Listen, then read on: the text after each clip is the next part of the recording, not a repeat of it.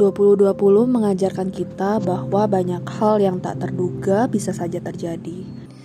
Yang direncanakan bisa saja gagal. Yang diinginkan belum bisa dicapai. Mungkin tidak sedikit dari kita yang merasa seperti Ayub.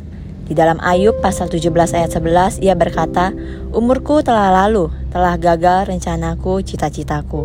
Sepanjang tahun ini pasti banyak dari kita yang mengalami kesulitan ekonomi. Setiap sektor terkena dampak, entahkah pendidikan, pekerjaan, termasuk kesehatan kita. Pandemi sepertinya membelenggu kita, membatasi pergerakan kita, memaksa kita untuk tinggal, mengisolasi diri, mengubah tatanan dunia. Tetapi firman Allah tidak terbelenggu. Firman Allah harus tetap diberitakan, baik atau tidak baik waktunya. Firman Allah harus tetap diberitakan, baik atau tidak baik waktunya. Pada akhirnya Ayub belajar. Di dalam Ayub pasal 42 ayat 2, ia berkata kepada Allah, Aku tahu bahwa engkau sanggup melakukan segala sesuatu dan tidak ada rencanamu yang gagal.